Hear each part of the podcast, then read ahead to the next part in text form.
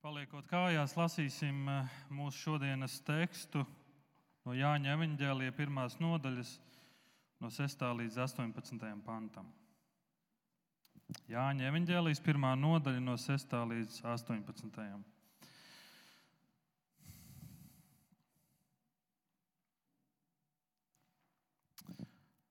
Nāca cilvēks, Dieva sūtīts vārdā Jānis. Viņš nāca liecības dēļ, lai liecinātu par gaismu, lai visi caur viņu ticētu. Viņš pats nebija gaisma, bet viņš nāca, lai liecinātu par gaismu.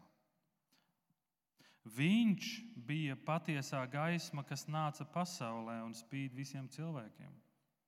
Viņš, gaisma, bija pasaulē, un pasaule caur viņu radās, bet pasaule viņu nepazina. Viņš nāca pie savējiem, bet tie viņu neuzņēma. Tiem, kuri viņu uzņēma, kas ticēja viņa vārdā, viņš ļāva kļūt par dievu bērniem. Kas nav no asinīm, nec no miesas iegribas, nec pēc cilvēka iegribas, bet ir dzimuši no dieva. Un vārds tapa miesa un mājoja mūsu vidū. Un mēs skatījām viņa godību, tādu godību kā tēva vienpiedzimušajam dēlam, pilnu žēlastības un patiesības. Jānis liecina par viņu saugdams. Viņš bija tas, par kuru es sacīju, tas, kas nāk aiz manis, tagad iet man pa priekšu, jo viņš bija pirmāk nekā es. Mēs visi esam guvuši no viņa pilnības žēlastību un vēl žēlastību. Jo bauslība ir dota caur mūzu, bet žēlastība un patiesība nākusi caur Jēzu Kristu. Dievu neviens nekad nav redzējis. Vienpiedzimušais Dievs, kas ir pie tēva krūts, viņu ir atklājis. Āmen. Lūksim Dievu.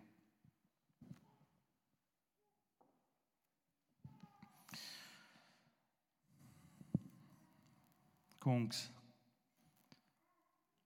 uzklaus mūsu lūgšanu. Kungs atbildi mums. Kungs sargā mūsu dzīvību. Kungs glāb mūs. Kungs žēlo mūs, jo mēs saucam uz tevīm augu dienu. Iepriecina mūsu dvēseli, jo Kungs pretī mēs ceļam savas dvēseles. Tu esi labs. Tu esi dāsns žēlastībā visiem, kas uz tevi sauc.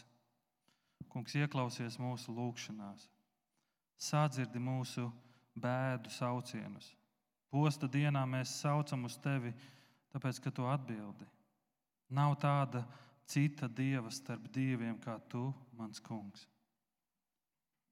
Un nav tādu darbu kā tie, kurus dari tu. Kungs, visas tautas reiz lieksies tavā priekšā un slavēs tavu vārdu. Jo tu esi liels un tu dari brīnumus, tikai tu, Dievs. Tāpēc māci mums, Kungs, tavu ceļu, ka mēs staigājam patiesībā, saliedē mūsu sirdis, lai mēs bīstamies tavu vārdu. Jo mēs tev pateiksimies no visas sirds jo tava žēlastība ir tik liela. Kungs, tu esi līdzcietīgs un žēlīgs Dievs, un tu esi lēns dusmās. Slavēts lai ir tavs vārds šodien. Āmen. Lūdzu, sēdieties!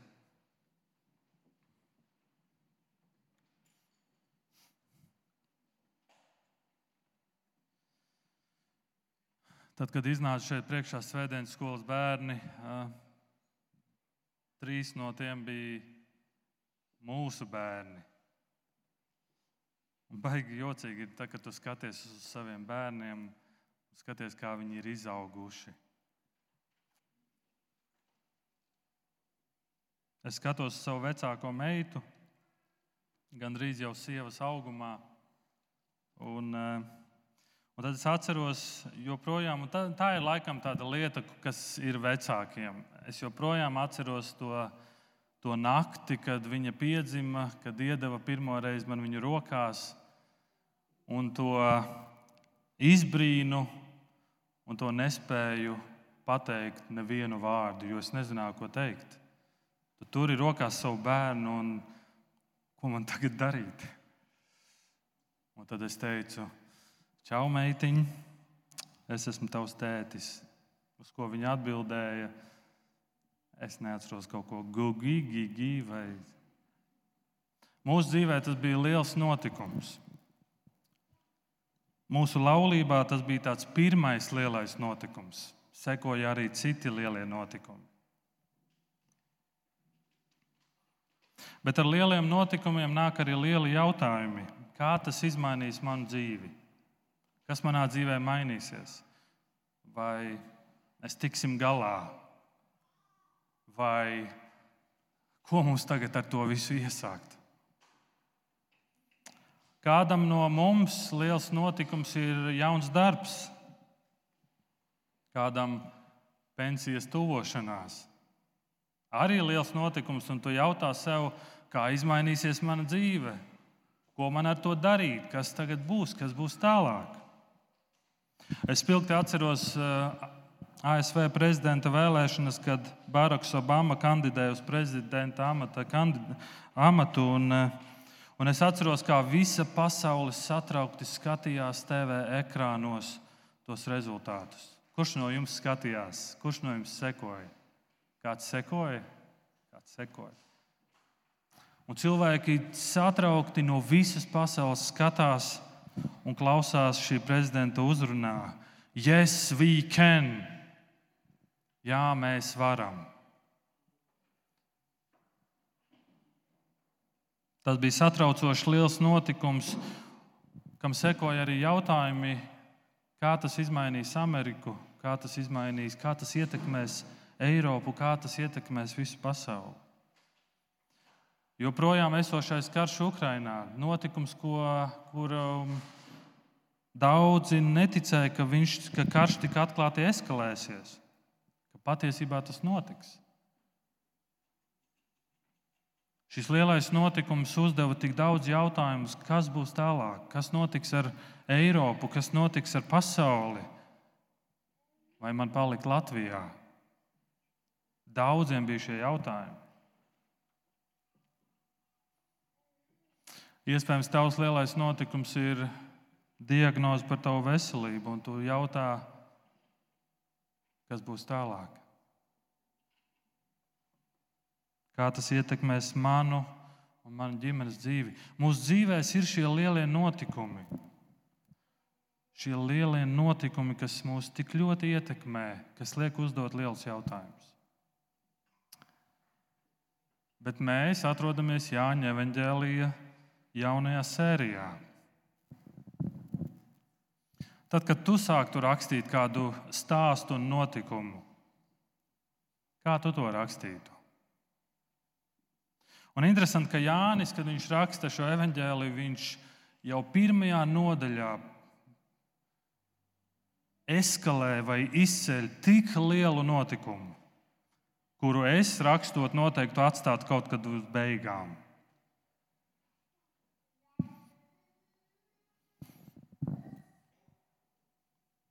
Un tas, ko viņš saka, tas, ko Jānis raksta, ir pats Dievs. Ka notiek visā galaktikas vēsturē notiek kaut kāds pavērsiens. Vārds tapa miesa. Lielākais notikums no visiem notikumiem, kas varēja notikt. Vārds, ar ko visa pasaule ir radīta, Solis, uz kura tu sēdi, radīts caur viņu, TV ekrāni, caur kuriem tu skaties, radīts caur viņu. Un šis vārds dara vēl kaut ko. Un mēs lasām, vārds tapa miesa. Vārds tapa miesa. Jāņa evanģēliem, Jānis rakstot evanģēliju, viņš to raksta ar noteiktu mērķi. Un mēs to varam, un tāpēc es gribu, lai jūs to atceraties, lai jūs to zinat. Un šis mēķis mēs lasām Jāņa 20. nodaļā, 31. pants. Bet šīs ir rakstītas, šīs visas lietas, ko Jānis raksta, lai jūs ticētu, ka Jēzus ir Kristus, Dieva dēls, un lai jums, kas ticat, būtu dzīvība viņa vārdā. Lūk, Jāņa evanģēlīja mērķis, lai tu ticētu, ka Jēzus Kristus ir Dieva dēls, un lai tev būtu dzīvība. Un tad, kad mēs iesim šai sērijai cauri, es gribu, lai tu uzdod jautājumu sev un sērijas beigās paskaties uz savu dzīvi. Vai šī sērija, ejot cauri Jāņa evanģēliem, un varbūt tu pats izvēlēsies Jāņa evanģēliju lasīt vēlreiz un vēlreiz cauri, vai tu pamani, ka tas palīdz tavai ticībai augt?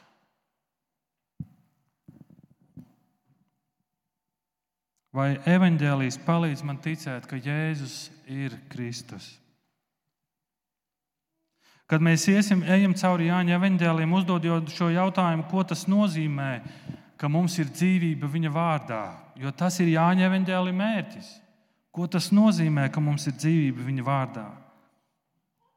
Un uzdot sev jautājumu, kā izskatās pareiza reakcija, kādai būtu jābūt manai reakcijai uz to.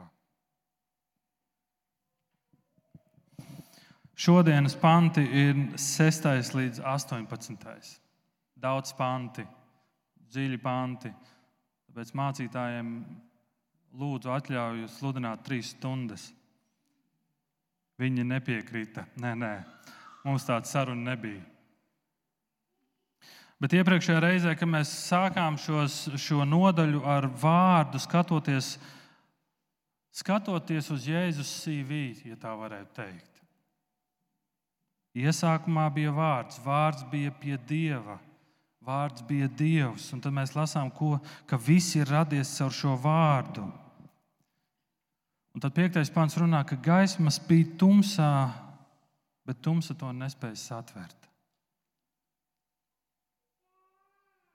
Un sestais pants sākas ar kaut ko, ko Jānis pats saprot, kas viņam ir jādara. Jānis rakstot šo evaņģēliju, ir piedzīvojis kaut ko tādu, ka viņš saprot, man es nedrīkst klusēt. Man ir jāraksta evaņģēlijs. Un kāpēc viņš to dara? Lai ticētu, ka Jēzus ir Kristus. Viņš saka, man ir jāliecina par to. Man jābūt lieciniekam par to, ko Kristus ir paveicis, ko mēs redzējām, ko mēs piedzīvojām. Un tāpēc arī Jānis uzņemas šo uzdevumu, lai liecinātu citiem, kas lasa. Bet tad, kad mēs lasām viņa evanģēliju, viņš raksta par kādu citu liecinieku. Liecinieks ir vajadzīgs liecinieks. Nāca cilvēks, Dieva stūtīts vārdā Jānis. Viņš nāca liecības dēļ, lai liecinātu par gaismu, lai visi caur viņu ticētu.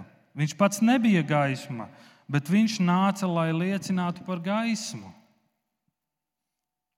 Jānis Kristītājs. Jānis evanģēlīja autors raksta par citu Jāni. Viņš raksta par Jāni Kristītāju. Un viņš saka, ka Jānis Kristītājs ir šis liecinieks, kurš ir nācis liecināt par gaismu, par patieso gaismu. Jānis Kristītājs varētu teikt, ir lielākais no vecās derības praviešiem. Jūs varētu iebilst, teikt, pagaidiet, par Jānu Kristītāju tik maz rakstīts. Viņa dzīve varbūt ir visīsākā no visiem praviešiem. Bet lielākais un īpašākais tādā no, no, ņemot, skatoties uz to, kas ir viņa uzdevums. Balstoties uz to uzdevumu, kas ir dots Jānim Kristītājam, viņš tiek uzskatīts par lielāko no praviešiem. Par viņu pravietoja vecās derības pravieši, viņa kolēģi. Malehijas 3.1. Kolēģis raksta, redzi, es sūtīšu vēstnesi, tas sataisīs ceļu manā priekšā. Jēzus 43. Balss sauca, Tūkstnesī sataisiet kungam ceļu, klājumā nolīdziniet taku mūsu dievam. Šī balss ir norāde uz Jānu Kristītāju. Un lūk, ko, pats, ko saka pats Jēzus Kristus. Mateja 11, 11. Patiesi es jums saku, un tas ir tas, ko Jēzus saka par Jāni Kristītāju. Starp dzimušajiem no sievietēm neviens nav cēlies lielāks par Jāni Kristītāju. Jānis Kristītājs ir liels vīrs, īpašs. Starp dzimušajiem no sievietēm Jēzus, Jēzus saka šos vārdus: nav cēlies lielāks par Jāni. Kā jūs domājat, ko Jānis Kristītājs pats par sevi saka? Mateja 3.11. Es jūs gan kristīju ūdenī uz atgriešanos no grēkiem, bet kas nāk pēc manis, ir spēcīgāks par mani. Es neesmu cienīgs pienest viņa sandeles, viņš jūs kristīs svētajā garā un ugunī. Šis lielais vīrs, viņš saka, es neesmu cienīgs, ir tik pazemīgs. Lūk, Jēzus Kristus liecinieks, dedzīgs. Ja tu būtu dzirdējis Jāņa Kristītāja vārdus, un mēs tos varam lasīt, kā viņš sludina, oģu dzīmums un, un, un, un kādiem vēl tik vārdiem viņš nesludina, tu pamanītu, ka Jānis ir dedzīgs. Šis liecinieks ir dedzīgs. Viņš dedzīgi pasludina to, kas ir nācis. Viņš sludina par patieso gaismu. Un Jānis ir dedzīgs, tāpēc, ka pavadot laiku tuksnesī, Dievs viņam kaut ko atklāja. Dievs viņam atklāja zīmi, lai viņš zinātu, kurš ir Kristus. Jāņa 1. nodaļa, 33. pants. Jānis Kristītājs saka, es viņu nepazinu, bet tas, kurš mani sūtījis kristīt ūdenī, man sacīja, uz ko tu redzēsi garu nonākam un paliekam, ir tas, kas kristīs svētajā garā.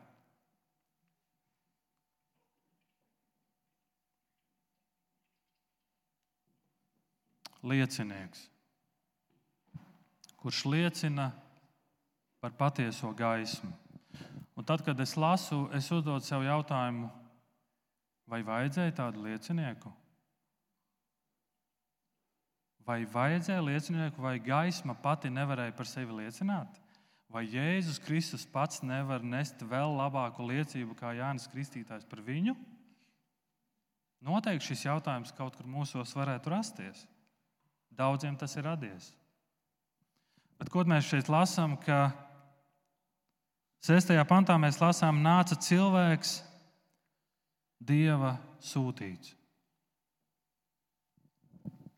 Dievs sūta cilvēku. Ja es gribētu, lai kāds liecinātu par manu dēlu, Ja es gribētu, lai kāds liecinātu par manu bērnu, es gribētu, lai tas ir labākais, kas to varētu paveikt. Bet Dievs izvēlas cilvēku. Varēja sūtīt eņģeļus, varēja debesīs uzrakstīt lieliem vārdiem, burtiem, lai visa pasaule redz, patiesā gaisma ir atnākusi, bet viņš izvēlas cilvēku. Jāni Kristītāju, kurš tuksnesī, ja viņš ienāktu šeit, iespējams, mēs ar viņu nesēdētu vienā solā, jo viņš izskatītos jocīgi. Un Dievs izvēlas Jāni. Dieva veids, kā likt Kristus gaismai spīdēt šajā tumšajā pasaulē, ir caur cilvēku liecību. Dieva veids, kā likt Kristus gaismai spīdēt šajā tumšajā pasaulē, ir caur cilvēku liecību. Un kāpēc Jānis liecina? Kāpēc Jānis nāk? Kas ir viņa mērķis? Lai visi caur viņu ticētu. Tu redzi šo līdzību? Jānis raksta evanģēliju ar mēķi, lai visi ticētu, ka Jēzus ir Kristus. Un nāk šis cilvēks ar liecību, liecina par gaismu, aicina uz grēku nožēlu. Kāpēc? Lai visi nāktu vairāk uz baznīcu, lai vairāk ziedotu, lai, vairāk, lai, lai pamanītu, cik viņš ir populārs, lai būtu viņam vairāk sekotāju. Nē, lai viņi ticētu, ka Jēzus ir ir Kristus. Jēzus ir šī patiesā gaisma.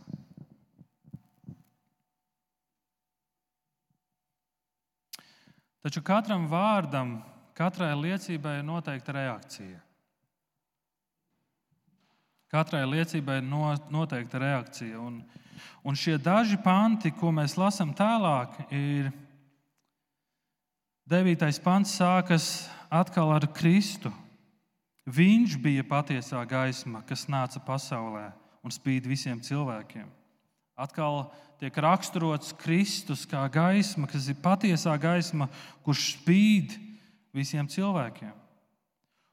Viņš gaisma bija pasaulē, un pasaule caur viņu radās. Mēs jau to zinām, vai ne? Pasaule, viss, kas ir radies, ir caur viņu. Tā ir viņa pasaule. Bet pasaule viņu nepazina. Šeit mēs redzam, redzēsim trīs reakcijas.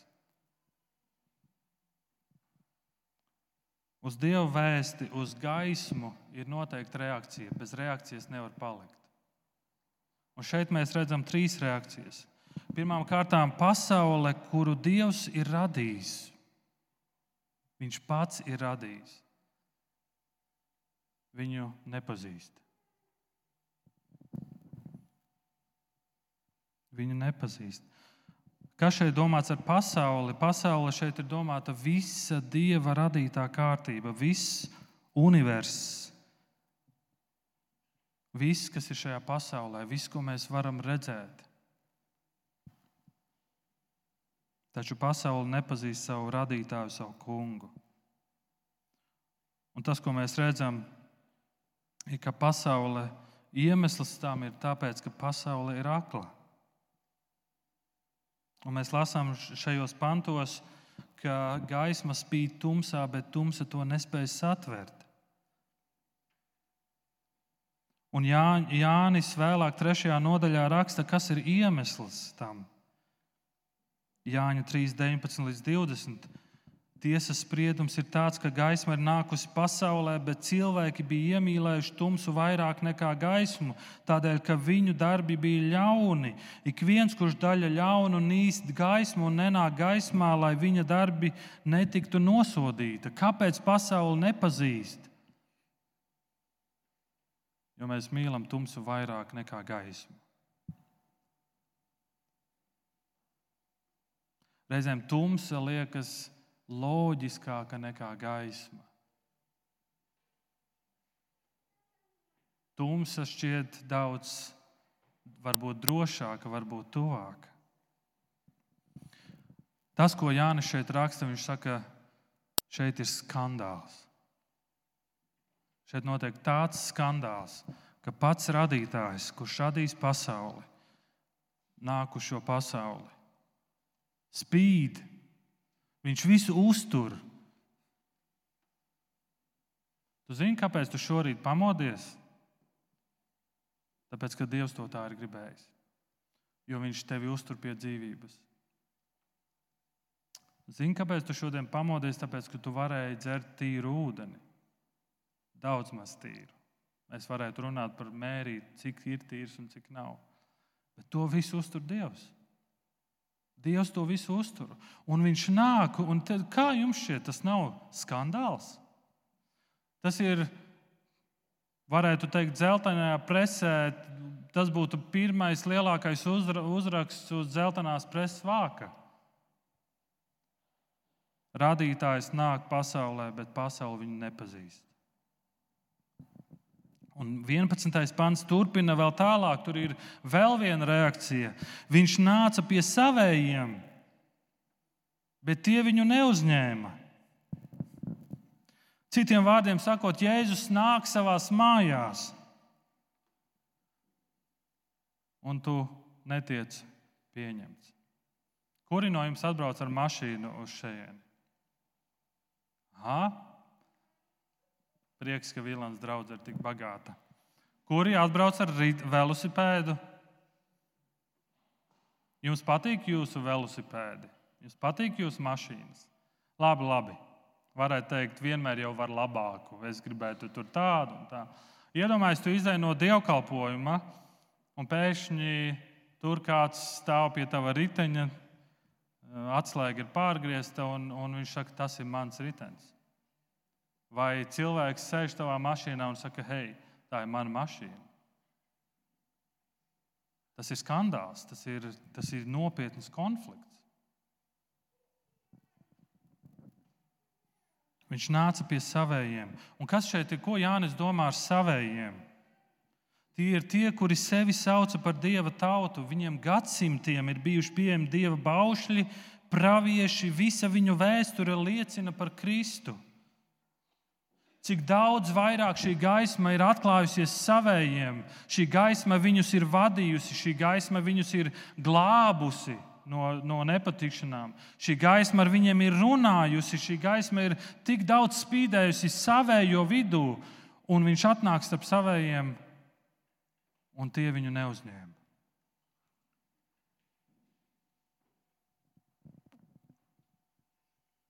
Ir kāds politiskais komentētājs Amerikā. Varbūt jūs paši esat dzirdējuši tāds Matt Walsh. Ļoti skaļa personība šodien. Amerikā viņam ir savs YouTube kanāls. Viņš ir politiskais komentētājs, grāmatu autors un filmas veidotājs, kas ir sieviete, What is a Woman, Iesaku noskatīties šo filmu. Ļoti jautājumu raisoša filma, ļoti liek domāt. Un tā viena no lietām, ko viņš dara, viņš ik pa laikam ieliek savā YouTube kanālā video, kur viņš komentē kaut kādus sociālā tīkla TikTok video. TikTok jaunieši zina, kas ir TikTok. Tur ar telefonu iefilmē video un tad ieliec sociālajos tīklos. Un visādas trakas lietas tur esot, tā man vismaz stāsta. Un tad viņš eh, komentēja vienu TikTok video, un šajā TikTok video ir kāds jaunietis, man šķiet, viņam ir kaut kādi 16 gadi.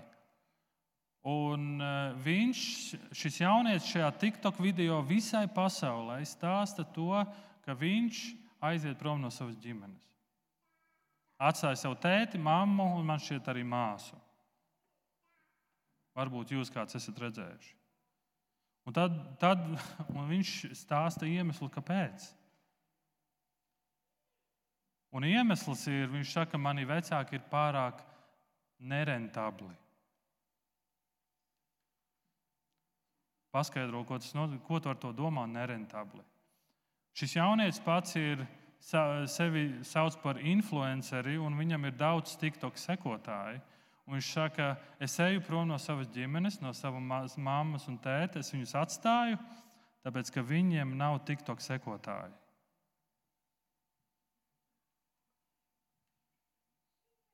Smieklīgi, bet patiesa notikums. Kā jums šķiet, tas ir skandāls? 16 gadi, audzis pie tēva un mātes Starp citu, telefonu iespējams nopirka viņam tēvs un mamma. Viņš saka, un es eju, man nevajag manus vecākus, tāpēc ka viņi ir nerentabli, jo viņiem nav tiktok sekotāju. Ja viņiem būtu vairāk, viņi būtu varbūt krūti, un tad es paliktu ar viņu. Skandāls vienkārši. Ja es būtu viņu vecāks, tad es ņemtu pantu, ka, ja tu nežēlo siksnu, un uz šī panta pamata es noslānītu šo puisi. Varbūt ne noslānītu, bet mums būtu ļoti nopietnas sarunas. Un liekas, godīgi būtu pareiza, taisna reakcija.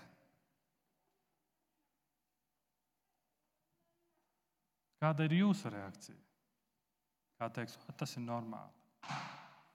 Un tas ir tas, ko Jānis šeit raksta tas, kas šeit notiek, ir skandāls. Viņš nāk pie saviem, viņš nāk savā pasaulē, un pasaule viņu nepazīst. Nepazīst, un tāpēc, ka nepazīst, viņu neuzņēma. Viņu neuzņēma. Mēs redzam divas reakcijas, bet ir vēl trešā reakcija, par ko Jānis raksta. 12. 12. pāns tiem, kuri viņu uzņēma, kas ticēja viņa vārdā, viņš ļāva kļūt par dieva bērniem, kas nav no asinīm, ne no miesas iegribas, ne pēc cilvēka iegribas, bet ir dzimuši no dieva. Tiem, kuri viņu uzņēma. Ir kādi, kuri uzņem. Un tas ir iemesls, kāpēc Dievs sūta savu vārdu uz šo pasauli, lai ir kādi, kas spēj uzņemt. Šajā tumšajā pasaulē, kas mūs tik ļoti ietekmē, kas mūs apdullina un padara aklus, vārds kaut ko spēcīgu dara. Viņš tik ļoti mūs ietekmē, kad ir kādi, kuri viņu uzņēma. Ko nozīmē uzņemt? Un šis pants pats sevi paskaidro, kas ticēja viņa vārdā. Uzņemt nozīmē ticēt Jēzus Kristus vārdiem, ticēt Jēzum Kristum. Un zini, kas notiek, kad tu tici? Tur ir tāds maziņš vārdiņš Latviešu Bībelē, Latviešu tulkojumā. Un tur ir vārdiņš ļāva. Viņš ļāva kļūt. Interesanti, vienkārši padomā, Jēzus Kristus ir tas, kurš kaut ko īpašu un spēcīgu nosaka. Kas viņam tic, viņš ļauj kļūt par Dieva bērniem. Personiska pieeja. Mūsu Dievs ir personisks. Viņš ļāva kļūt. Šis vārdiņš ļāva norāda uz kaut ko ļoti spēcīgu. Šis vārds nozīmē absolūtu spēku un pārliecību. Šī vara ir Jēzus Kristus rokās. Bet šī no, kļūšana par Dieva bērniem, 13. pāns, paskaidro, tas nav nekas dabīgs. Tas nav no asinīm, nedz no miesas iegribas. Tas nav kaut kas, ko cilvēks dara. Tas nav vecāki, mēs nevaram iedot to saviem bērniem. Mēs gribam, mēs cenšamies to darīt, mēs cenšamies viņus mācīt, mēs cenšamies viņiem stāstīt, bet šo ticību mēs viņiem nevaram iedot. Nav no asinīm, nav no cilvēka iegribas. Mums ir daudz iegribas. Bet ir dzimuši no Dieva. Tas ir Dieva darbs. Tas ir Dieva darbs. Vecāki tāpēc lūdziet par saviem bērniem. Raimond, lūdz par savām meitām. Bet tas ir Dieva darbs.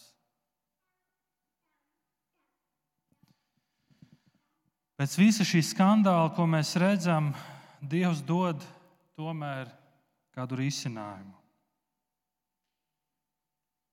Dievs dod risinājumu. Un šis risinājums ir šis vislielākais, vislielākais notikums, ko mēs tik labi iespējams zinām. Un 14. pants. Un vārds tapa miesa un mājoja mūsu vidū. Un mēs skatījām viņa godību, tādu godību kā tēva vienpiedzimušajam dēlam, pilnu žēlastības un patiesības. Mīļā draudzene, priecīgus Ziemassvētkus! Vārds tapa miesa un mājoja mūsu vidū. Es gribu, lai tu mazliet padomā. Tu šos vārdus esi dzirdējis daudzreiz, bet padomā, pats Dievs, lielais varenais Dievs, kas šeit atklājas? Vārds tapa miesa, tapa kā mēs, un mājoja mūsu vidū.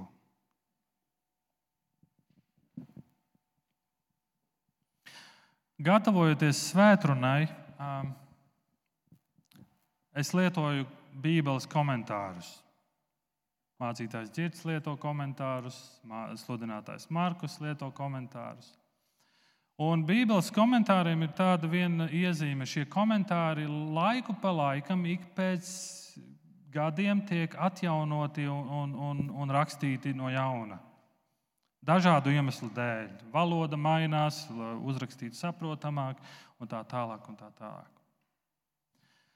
Kā jūs domājat, kad Bībeles komentāri, nu tādā Eiropas kontekstā, kad tiek rakstīti jauni Bībeles komentāri, ar kuru grāmatu sāk? Kā jūs domājat, kuru grāmatu izvēlas pirmo? Un kādu no jums saka, oh, Jāņa evanģēlijas. Jā, parasti sāk ar evanģēliem sāk rakstīt komentārus evaņģēliem, pēc tam Pāvila vēstules, pēc tam pārējās vēstules, un tad ņem vecās derības lielās grāmatas, kā nu, tādas nozīmīgas, Jēzus grāmata un, un, un, un tā tālāk. Mēs sākam ar evaņģēliem. Bet interesanti ir tas, ka jūdu kultūrā, pēc jūdu tradīcijas, tad, kad viņi raksta jaunu komentāru, viņi raksta, viņi sāk ar trešo mūzes grāmatu. Un, ja tu tagad atšķirtu trešo mūža grāmatu, tu, tu domātu, kāpēc? Jo lasot trešo mūža grāmatu, tur ir ārprāts, cik daudz noteikumu. Pilns ar noteikumiem. Un parasti, kad cilvēks izvēlas lasīt Bībeli gada laikā, viņš nonāk līdz trešās mūža grāmatai, bums, un viņš pazūd, un viņu, viņš pazūd tajos noteikumos. Bet pēc jūdu tradīcijas sā, viņi sāk rakstīt ar trešo mūža grāmatu. Kāpēc? Tāpēc, ka trešā mūža grāmata, lai cik tas jotīgi ne, neizklausītos, ir labās ziņas par to, ka Dievs vēlas mājot kopā ar savu tautu. Trešā mūža grāmata, 26. nodaļa, tas, ko Arvis jau no rīta no sākuma lasīja, ir 11. un 12. pants. Savu mājokli es likšu starp jums un neatstāšu jūs. Es staigāšu jūsu vidū un būšu jums par dievu, un jūs būsiet man par tautu. Es esmu kungs, jūsu dievs, kas jūs izved no Eģiptes zemes, lai jums tiem nebūtu jāvergo. Es satriecu jūsu jūga kokus, es liku jums staigāt stalti. Vai tas nav fascinējoši? Dievs grib mājot starp mums. Mūzes to labi apzinājās, cik ļoti mums Dievs ir vajadzīgs. Un viņš Dievam ir teicis, Dievs, ja tu nenāksi ar mums, mēs ne, nekustēsimies ne no vietas. Mums vajag tavu klātbūtni, Dievs. Un Dievs saka, es neatstāšu jums. Un pareizā, neatstāšu jūs. Un pareizāks tulkojums būtu, es jūs neienīdīšu, es nedusmošos uz jums. Kaut arī Dievam būtu tas iemesls, tādi iemesli Dievam ir daudzi. Un tas, ko mēs varam lasīt vecajā derībā, tas, ko Dievs vēlas visu laiku ir mēģinājis nokomunicēt, es darīšu visu iespējamo. Tauta, es darīšu visu iespējamo, lai es mājotu starp jums.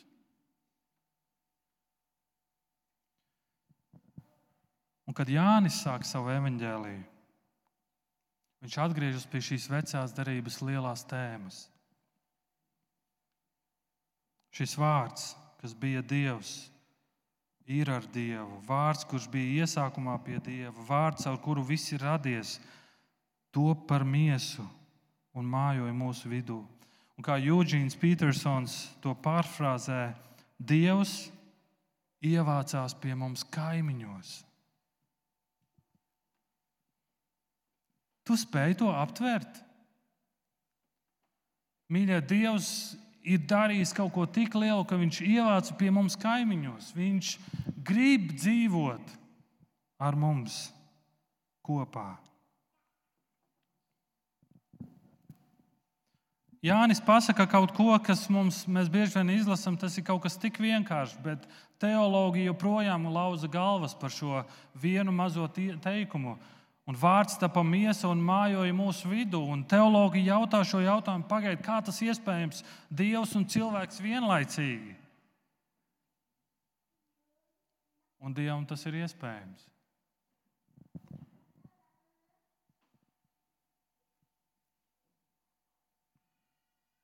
Un 18. Pant, 18. pantā Jānis raksta šādus vārdus: Dievu neviens nekad nav redzējis. Vai Dievu ir iespējams izzināt? Vai Dievu ir iespējams izprast? Nē. Neviens viņu nav redzējis.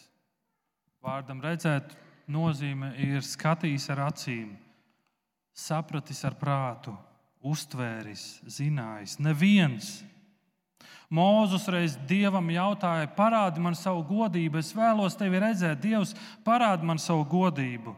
Un 2. mūzes 33. mēs lasām, un Dievs atbildēja: Es likšu, lai viss mans labums iet tava vaiga priekšā, un es saukšu savu vārdu kungs tavā priekšā. Es būšu žēlsirdīgs pret tiem, pret kuriem būšu, būšu žēlsirdīgs, un es apžēlošos par tiem, par kuriem apžēlošos. Un tad viņš saka, tev neredzēt manu vaigu, jo neviens cilvēks neredzēs mani palikdams dzīvs.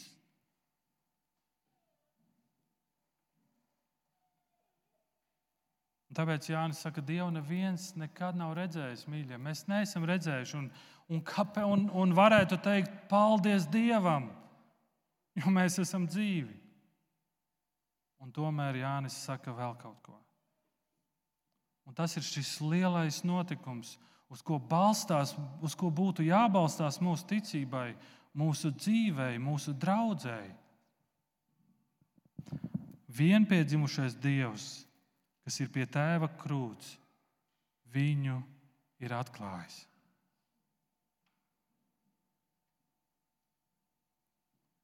Mūzes piedzīvoja daudz, Mūzes pieredzēja daudz.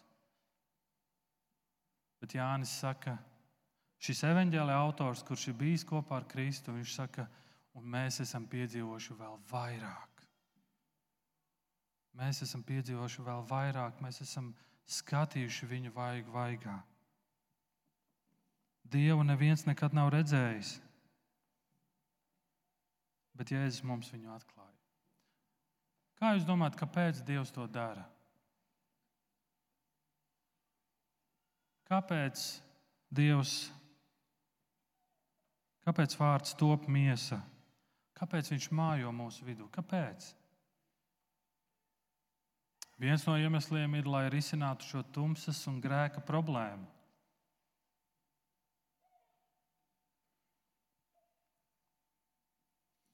Bet ziniet, kāpēc Dievs to dara? Jo tā ir Dieva daba, tā ir viņa būtība. Dievs, savā, Dievs pēc savas būtības ir trīsvienīgs. Un šajā trīsvienībā viņiem ir tādas attiecības, ka Tur ir tāda dzīvība, ka tas viss, nu kā lai to pasaka, šis nebūs skaistākais vārds, bet tas viss sprākst uz āru tik ļoti, ka visa pasaule muģēt muģ no dzīvības. Ka pasaulē ir cilvēki, kur visi ilgojas pēc attiecībām. Mēs ilgojamies pēc attiecībām. Kāpēc? Tāpēc, ka tā ir Dieva daba un mēs esam radīti pēc Dieva līdzības. Un kāpēc Dievs nāk un grib šīs attiecības ar mums? Tāpēc, ka tāds ir Dievs, tāda ir viņa daba, viņš ir attiecību Dievs.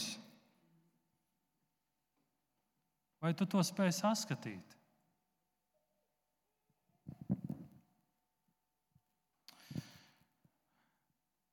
Un nobeigumā es gribu, lai mēs paņemam trīs lietas līdzi.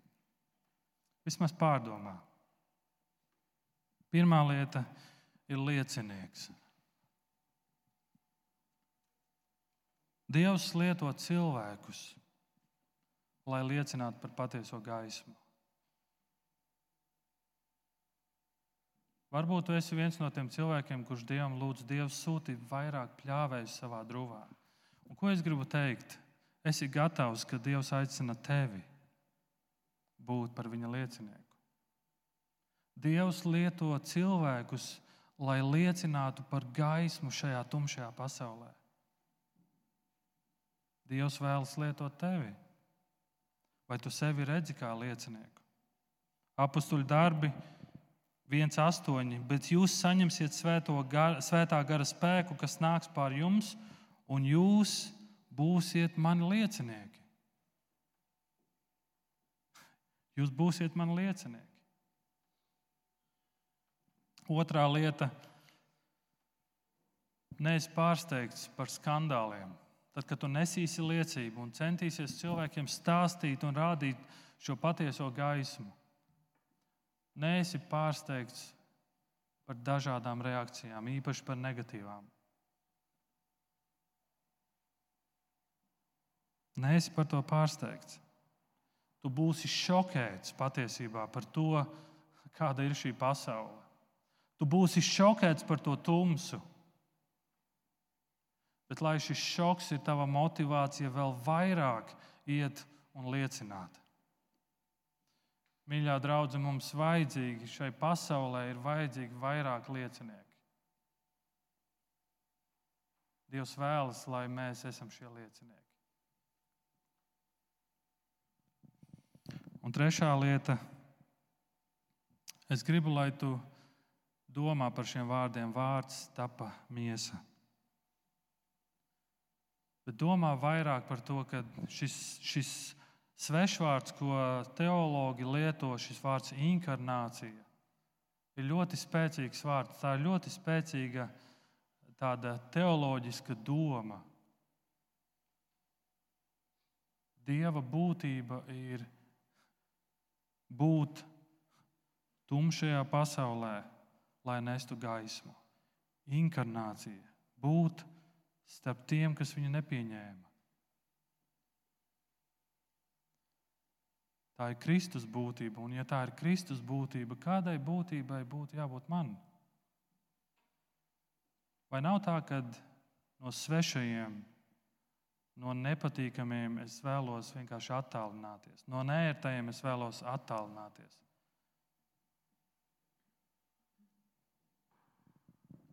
Vai es dzīvoju dzīvi, kas iemiesojas vidē, kurā nav gaisma?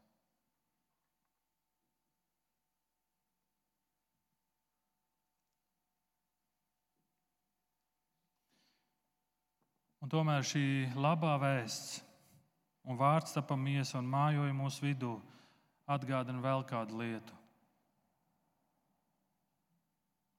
Kad tu piedzīvo Dievu, kurš ir tik ļoti uz attiecībām vērsts, Dievu, kurš stiepjas pēc mums, tas mūs tā ietekmē, ka mēs pēkšņi spējam ieraudzīt, ka mēs neesam vieni šajā pasaulē.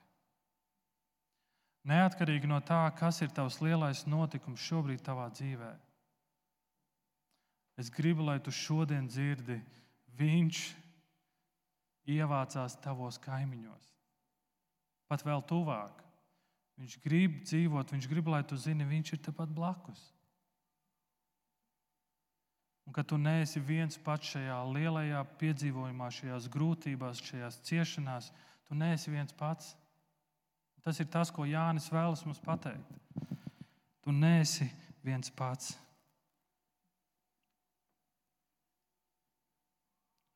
Un šajos pantos Jānis saka, mēs visi, 16. pantā, mēs visi esam gūši no viņa pilnības žēlastību un vēl žēlastību.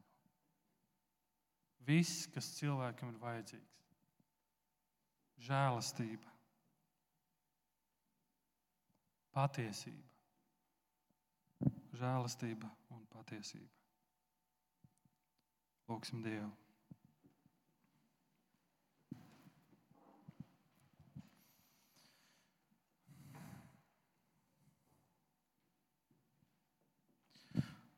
Jēzus Kristu. Paldies, ka tu tik ļoti mīli pasauli, ka tu tik ļoti mīli mūs, ka esi gatavs ievākties pie mums kaimiņos. Lai arī mūsu dārzā ir tik daudz mēsli un grūži, tik daudz nekārtības tik daudz naida, un dusmu un skaudības, un, un tik daudz elki mūsu pagalmos, mūsu dzīvēs, tu joprojām ievācies un tu aicini mūs pie sevis, pie sava galda. Tu aicini uz šīm īpašām vakariņām. Tu aicini mūs, lai pavadītu laiku ar mums kopā. Ja es gribu lūgt, piedod, Piedod man, ka bieži vien es lasu šos vārdus, un man tie šķiet tik pašsaprotami, ka es aizmirstu šo vārdu galveno domu, šo dziļo būtību. Un ka es savā dzīvē esmu tādā skrējienā, ka es aizmirstu to, ka tu vēlēsies būt attiecībās ar mani. Piedod, lūdzu. Un es lūdzu par mums ikvienu, tu redzi mūsu lielos dzīves notikumus. Tās ir bēdas, varbūt tas ir jauns sākums, varbūt tas ir satraukums, vai tās ir veselības problēmas. Es ļoti lūdzu, Jēzu, par katru vienu, ka mēs piedzīvojam, ka tu esi tepat blakus. Tu patiesībā vēl vairāk tu mājo mūsos. Bet palīdz, ka mēs arī kā draugi um, viens otram to atgādinam un arī parādam, ka mūsos ir šī inkarnācija, ka mēs dzīvojam viens otram, ka mūsu vārdi pārtop miesā, kā tu to esi rādījis. Lūdzu, palīdz man, palīdz mums, kā vīlans draudzēji, tavā vārdā. Amen.